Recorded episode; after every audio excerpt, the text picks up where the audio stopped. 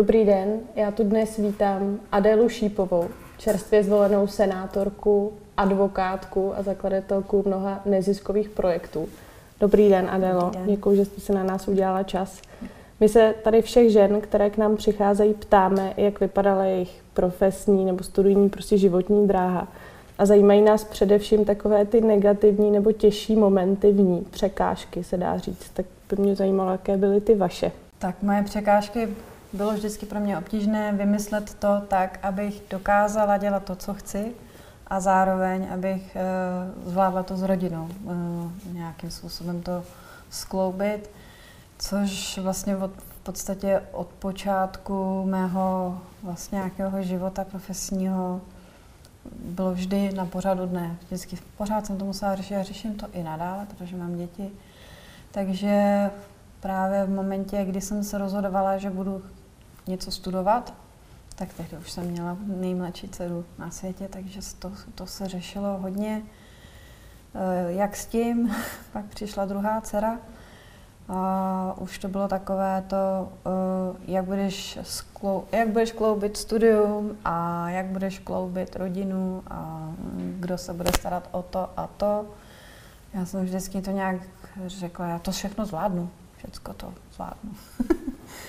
A je to, je to opravdu těžké, protože hodně mě to určitou, určitý moment dovedlo do velkého vyčerpání, takže musím uznat, že jsem musela vyhledat i psychologickou pomoc s tím, abych nějakým způsobem začala pohlížet na, tu svoji, na ten svůj čas jinak, abych nezapomínala sama na sebe a abych věděla, že ta péče o sebe samou je klíčová. Že to vlastně nejenom, že to potřebuju já, ale všichni to potřebují. Takže tohle to už je v podstatě řeším to neustále.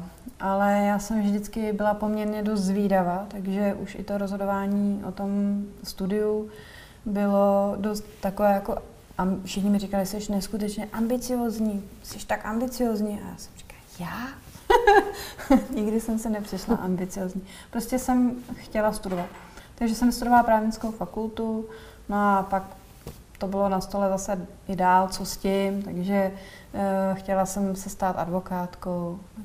Přišly ty první problémy s, s praxí, že to, jakým způsobem je advokátní praxe advokátních koncipientů v současné době nastavená, mně přijde velmi, je to dost nelidský.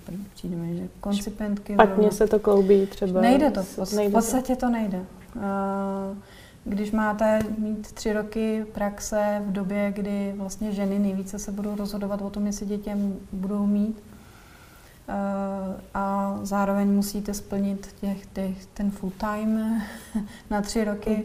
Jako z mého pohledu je to v podstatě jako špatně nastavený, ne, vůbec nezohledňuje potřeby člověka. Takže tohle to jsem řešila v rámci praxe advokátní koncipientky. No, pak jsem se stala na chvíli samostatnou advokátkou, ale chtěla jsem nějakým způsobem mm, poznat i svět těch velkých advokátních kanceláří.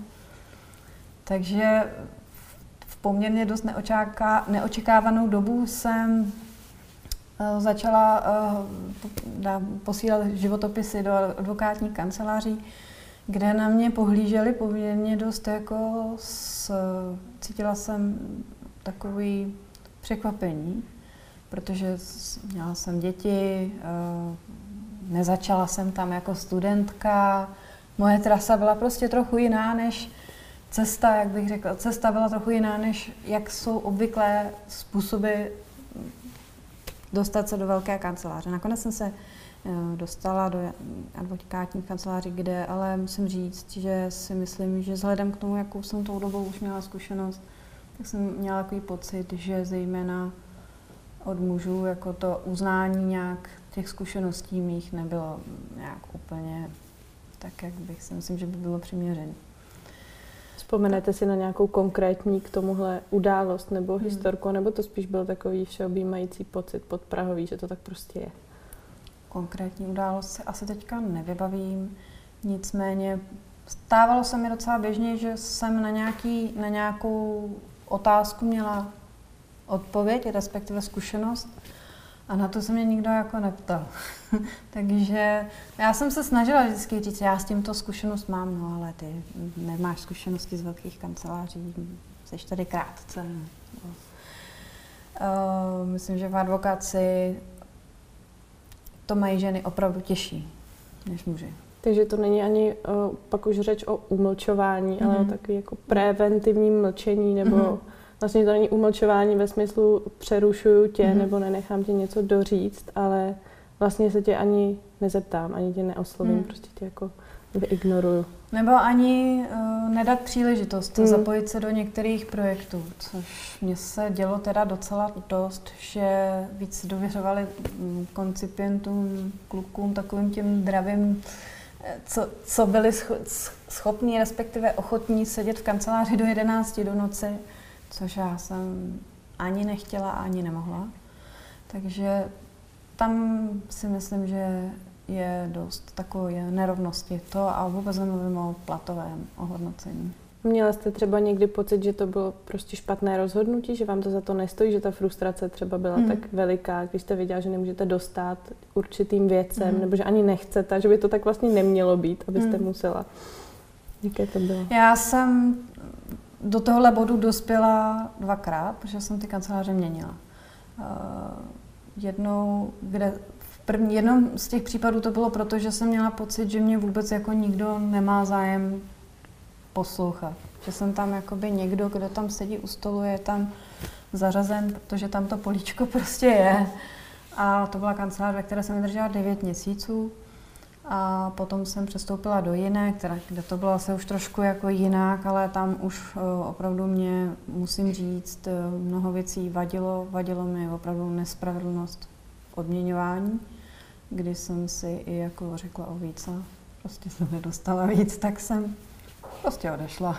Jak se dá porovnat vlastně tahle ta zkušenost toho světa advokacie s tou zkušeností, kterou vy teďka máte z hmm. politiky? Já si myslím, že docela jsou tam takové paralely. To tako, mm, pro mě, já jsem se vždycky cítila dost e, jako nedoceněná. Hodně. Mm, takže já jsem měla vždycky pocit, že mm, můžu nabídnout víc, ale nikdo to nechce. Takže tak nějak jsem potom začala uvažovat uh, o tom, že budu zase samostatně pracovat. A pokud jde o tu politiku, polit, politika mě vždycky zajímá. Hodně mi záleží na, na tom, kam se naše společnost uh, vydává. Hodně mě rozčiluje, když některé věci prostě se neposouvají. Uh, moje rodina vždycky politikou žila, hodně jsme, hodně jsme vždycky diskutovali spolu navzájem, jsme se vždycky hádali, takže mm, tak jsem si jednoho dne řekla, že to prostě zkusím, že si udělám takový test, jako, takže jsem kandidovala v komunálních volbách v obci, kde bydlím a tehdy jsem byla zařazena na té kandidáce úplně strašně nízko, Požádal mě o toho tehdejší starosta, abych kandidovala. Nedostala jsem se eh, na, do zastupitelstva obce, nicméně měla jsem druhý nejvyšší počet preferenčních hlasů, takže chybělo mi 0,9, stala bych se zastupitelkou. A tehdy jsem si říkala, to je, tehdy mě to jako opravdu poprvé tak nějak zahřálo, uh, protože já jsem se nevěřila, samozřejmě myslela jsem si, že Eh, ti muži v oblecích jsou prostě asi kvalifikovanější, nebo zkušenější spíš, ne kvalifikovanější, ale že určitě mají víc zkušeností z té politiky a mají možná třeba víc co nabídnout. No ale jako advokátka jsem později jako zjistila, že vlastně to tak úplně není. Eh, že akorát eh, mnoho lidí, kteří mají co nabídnout, nedostanou tu příležitost. Tehdy mě to potěšilo, že mě voliči volili takhle No a pak už to začalo nějakým způsobem ve mně jako pracovat. To jsem si říkala, přeci jenom uh, třeba bych nějakou možnost oslovit voliče v, nějak, v rámci nějaké kampaně politické jiné mohla mít. A vlastně v podstatě tak to trvalo asi rok, kdy jsem rozmýšlela opravdu, že bych to zkusila jako kandidovat do Senátu. Sice je to jako první taková jako Senát se považuje jako instituce, do které se lidé dostavují až jakoby za odměnu nebo po nějakém dlouhodobějším politickém působení. No ale já jsem si říkala, jako proč? proč by to tak mělo být? A Senát se mi jako instituce vždycky moc líbil. Eh, přišlo mi to vždy jako určitá skupina lidí, kteří jsou nezá, více nezávislí než poslanci. Takže tak jsem si řekla, zkusím to. A upřímně musím říct, že ten úspěch mě jako opravdu překvapil ještě teďka, tři měsíce po, po volbách se ráno budím a říkám si, jako, jedu opravdu do toho senátu. Jsem senátorkou. Jsem senátorka. Když mě někdo řekne paní senátorko, tak pořád je to taková jako, je to pro mě překvapující stále. Já jsem o to přemýšlela, když jsem vám psala ten první e-mail, jsem si říkala, jaké to musí být pár týdnů potom dostávat ty e-maily, vážená paní senátorko, a myslím, že jsem tam napsala právě vážená Adelo, protože jsem si říkala, že to možná je až moc, až moc věcí najednou. Ale mě by ještě zajímalo, že když jste zmiňovala, že ten senát je ta instituce těch eh, slovutných kariérních politiků, nebo prostě to je taková meritokratická možná instituce trošku, nebo že tak působí. Dostávala jste reakce z okolí, které by právě nějak nechápali eh, ten váš krok, anebo i ten úspěch třeba? Hmm. Jako po volbě, myslíte? Po volbě, jestli, jestli hmm. nějaká jako hmm. nepřijetí hmm. nebo negace v tomto smyslu, anebo i během té kampaně hmm. třeba. Hmm. Tak během kampaně, moje kampaň byla poměrně uh, dramatická, musím říct. Já jsem do toho, když už jsem se rozhodla do toho jít, tak jsem do toho šlápla prostě opravdu hodně. Já jsem mm, do toho šla opravdu s myšlenkou toho, že chci zviditelnit uh, to, že žena může být političkou. Bez ohledu na to, jak to dopadne. Prostě ta ženská otázka pro mě byla vždycky velmi důležitá. A, a já jsem si říkala, proč, proč to nevyužít maximálně a mluvit o té rovnosti. Takže pro celá ta kampaně já jsem byla neustále spokojená, protože, protože se mi zdařilo o těch, měla, nikdy by mě nikdo neposlouchal, až teďka jako jsem mohla o těch, o těch příbězích nebo o, o, o té problematice mluvit. A nepříjemný, v průběhu kampaně bylo nepříjemností mnoho, tak třeba jako volala mi nějaká hysterická fanenka jednoho mého protikandidáta, která mi prostě na mě křičela, že jsem nikdo, že si hraju na panu Orleánskou, třeba. A že na toho a toho nemám a tak. tak to bylo nepříjemný. Pak musím říct, že dostala jsem, dostala jsem poměrně dost oplzlých zpráv, eh, které mě jako na počátku kampaně úplně rozhodily. Musím říct, že jsem třeba nemohla spát kvůli tomu. Eh, když vám napíšou zprávy muži, který vám tykají nebo vám uh, říkají opravdu hnusné věci, tak i když vím, že je to nějaký člověk, kterého neznám, nikdy ho neuvidím, nebo něco takového, nebo možná uvidím. Prostě mě to rozhodilo opravdu a bralo mi to chuť do toho jít dál. A byly to anonymní zprávy třeba, nebo jste i ty mm, odesílatele no, Většinou přes Facebook eh, byly nějaký profil tam byl, jestli byl fakeový, nebyl. Já se musím říct, to pak už jako moc nechtěla se v tom ani hrabat, ale v jednu chvíli jich bylo hodně. A tehdy jsem byla už dost taková jako, ne, že bych se rozhodovala o tom, že nepo, nebudu pokračovat, to ne, ale hodně mě to jako srazilo k zemi, jsem měla pocit. Když jsem to konzultovala se svým levním manažerem, mm, tak eh, mi říkal, tohle je jako, s tím musíš počítat a vysvětlil mi, nevím, jestli mě chtěl jako motivovat, nebo a řekl, že to někdo může třeba chtít, aby mě opravdu jako srazil, eh, vzal chuť, elán do pokračovat v té kampani. To třeba může být nějaký jako záměr. Pak v nějakou chvíli to přestalo, jako ne úplně přestalo nikdy, ale nebylo to tak intenzivní. A kde jste hledala podporu, teda kromě volebního hmm. manažera, pomohla vám třeba rodina, nebo sdílela jste hmm. to s dětmi, že se tyhle věci dějou? No, a že s dětmi se jsem to nezdílela, tohle ne, s dětmi určitě ne, ale samozřejmě jsem to sdílela se svým okolím e, právě s rodinou a s přáteli. Bez toho sdílení by to asi jako nešlo, tak to mi hodně pomohlo. To mi hodně pomohlo a pak chodím do lesa se nadechnout vzduchu, protože Pak já potřebuju si jako vždycky v hlavě urovnat, proč to vlastně dělám. A to já bych jako asi nevzdala na základě tohohle. No, kampaň byla dál i jako dost uh, nej, taková jako nejméně příjemná byla v posledním kole. V tom posledním týdnu.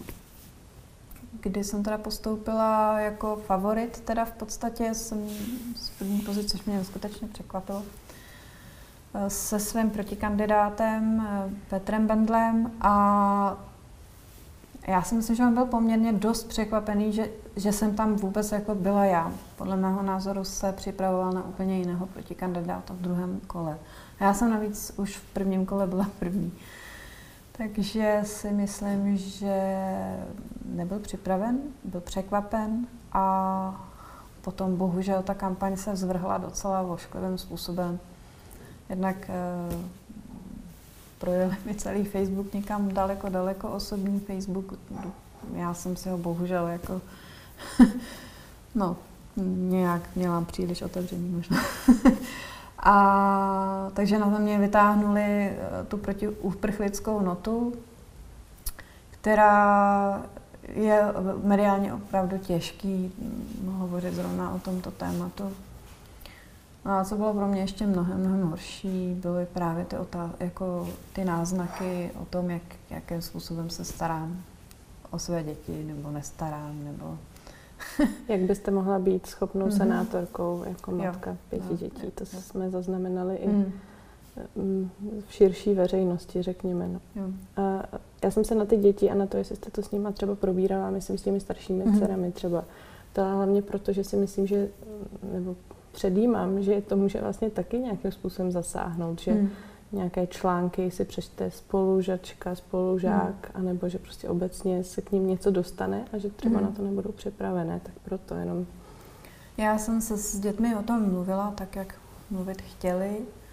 Uh, musím říct, že tohle je pro mě ta nejcitlivější hmm. část toho, uh, co mě opravdu nejvíc dokáže rozkolísat. Je to, je to ta rodina, protože samozřejmě chci, aby měli všechno pohodlí zabezpečené, aby jsme měli čas na sebe, ale zároveň vím, eh, co jako chci já dělat. takže to je opravdu hodně, hodně těžké. Moje starší dcery uh, jsou už velké a musím říct, že ty rozhovory nebyly úplně jako jednoduché, ale zároveň um, si myslím, že to by vám řekli asi oni, ale že vidí je taky důležité, jak ta žena eh, jde, pokud něco chce, takže má tu možnost eh, si ten svůj cíl plnit. Že prostě neřekne, no tak, tak já to teda dělat nebudu. Jasně a dokážete si vybavit ty nejtěžší momenty mezi tím vlastně prvním a druhým kolem během té kampaně, že se k vám samozřejmě jste zjistila, že je teda vůči vám vedená určitá antikampaň a zároveň prostě hmm. se k vám dostávaly ty výroky ze strany toho oponenta a jestli jste mm, dokázala nějak na to reagovat, nebo jestli hmm. jste dnes reagovala stejně, jak jste se o tom rozhodovala, protože často jsou ženy potom třeba, když se vymezí vůči tomu třeba moc hmm. hlasitě, tak jsou často zase obviněny z toho, že jsou příliš hysterické mm. nebo bez nadhledu a mm. Jak jste to a musím říct, že v tomhle mi hodně pomohl můj tým, který byl okolo mě, který vlastně naopak ten útok je velmi aktivizoval, takže, takže na některé ty, na některá ta nařčení nebo vůbec ty útoky dokázali nějakým způsobem reagovat. Mm, pomáhali mi při, při, tvořit příspěvky. Ale já osobně, já jsem si potřebovala od toho dělat nějaký distanc, takže já jsem to jako nečetla a nevěnovala jsem tomu pozornost, protože, protože já jsem měla svoje témata a chtěla jsem je prostě dostat do veřejného prostoru a nechtěla jsem, aby mě někdo nějakou hloupostí eh, to překazil. Takže díky tomu, jak mi pomohli lidé v mém okolí, jsem to zvládla, protože oni se snažili nějakým způsobem udělat vyčistit tu záležitost a já jsem se mohla věnovat tomu, co jsem, co jsem chtěla. A nakonec jsem zvítězila, což já jsem ráda, že, že ta špína prostě nezabrala. Jak byste rekapitulovala ty první tři měsíce v Senátu? Co jste tam pozbírala za zkušenosti, nebo i po, jako hm, pocit z toho, jak ta instituce funguje, jak, mm-hmm. jak třeba se změnil vaš, vaše očekávání ve smyslu toho, jak půjde prosazovat třeba některé věci mm. a jak... No, můžu říct uh, svůj pohled na to. Já jsem překvapená, uh, byla jsem opravdu hodně překvapená, jak mnoho mužů tam je a jak já se v nich pořád ještě musím říct nevyznám. Všichni mi připadají velice stejní.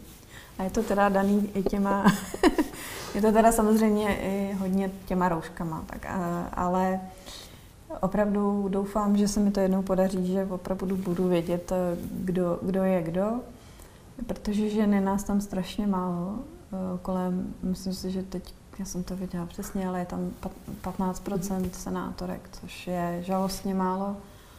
A nedává to vůbec žádný smysl, protože senátorem se můžete stát po 40 let vejš. Takže podstatě takový ten argument, že žena chce být doma s dětmi, už tolik neplatí v instituci, kdy už jsou starší lidé.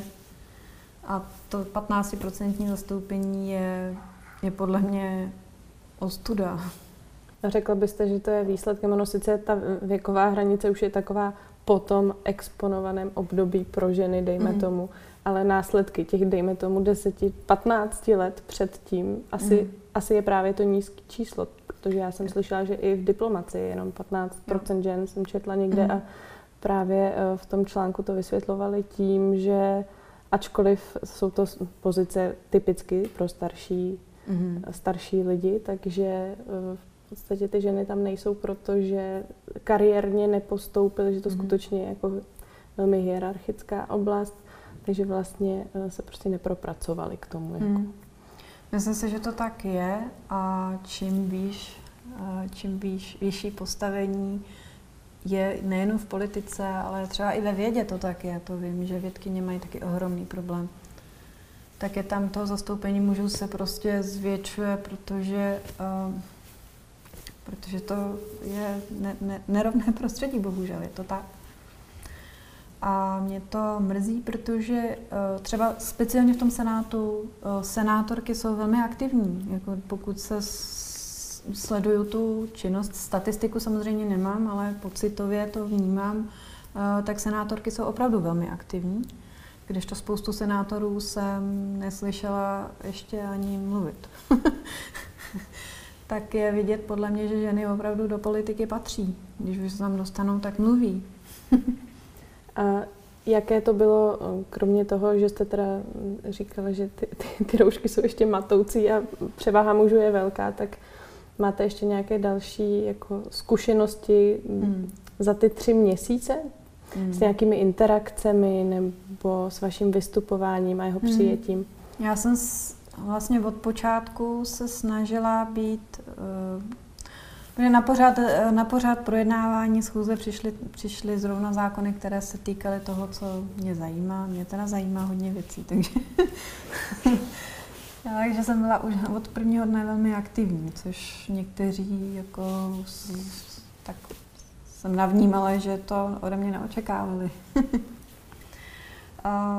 je to těžké pro mě o tom mluvit, ale takový styl uh, některých mých kolegů dát mi vědět, že je zdržuju, to se mi stalo minulý týden, že nemám navrhovat něco, co jsem si vědoma, že nemůžu prosadit, mě velmi zklamal. A myslím si, že je to taky dáno tím, že jsem prostě mladá senátorka, až jsem žena. Zažila jsem to, bohužel minulý týden třeba, takové způsob jednání, který mě trošku, já jsem opravdu byla v situaci, kdy jsem si říkala, budu ten pozměňovací návrh podávat, nebudu ho podávat, budu, nebudu, nebudu, nebudu. Opravdu jsem musela v sobě opakovaně hledat odvahu, abych ho podala. Nakonec jsem ho podala a jsem ráda. Nicméně dostala jsem trochu vynadáno za to, že zdržuju. Máte pocit, že uh, reálně v té politice už, uh, nebo takhle, jestli senátoři tak jak jste zatím poznala tu praxi, tak si rozmýšlí byť i podání pozměňovacího návrhu z hlediska jeho prosaditelnosti, nebo, nebo ještě tam existuje nějaká skupina lidí, kteří skutečně vidí nějaký ideál, nějakou mm-hmm. jako absolutní, nebo ne absolutní, mm-hmm. prostě nějaký cíl, metu, které chtějí dosáhnout. A to je to, co ovlivňuje jejich rozhodování. Mm. Ne ta, ten politický proces mezi tím, který mm. to může zablokovat. Myslíte si, že si zvládnete udržet nějakou tu buldočí touhu prosazovat ty věci? Já doufám, že jo. Myslím si, že v Senátu je víc takových uh, lidí, kteří, když něco chtějí prosadit, tak, uh, tak uh, to dělají, byť, byť třeba s, to nemusí mít hned na první uh, dobrou úspěch. Uh, myslím si, že tam takový jsou. Pak jsou tam někteří, kteří samozřejmě nejsou tak aktivní třeba, jak bych to popsala. Hmm. A věřím, věřím, že si tu, tu odhodlanost udržím. A na mě ta odhodlanost totiž provází celý život. A už to nějak tak jako uh, pořád cítím uh, potřebu něco jako um, překonávat. Nějaký.